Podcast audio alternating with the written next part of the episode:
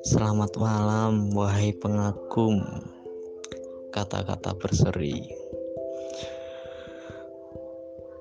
yang menceritakan tentang indahnya malam, tangisan senja, serta alam yang selalu bercerita tentang gimana sih indahnya semesta tapi kita tak bisa merasakannya. Selamat datang di podcast Maul.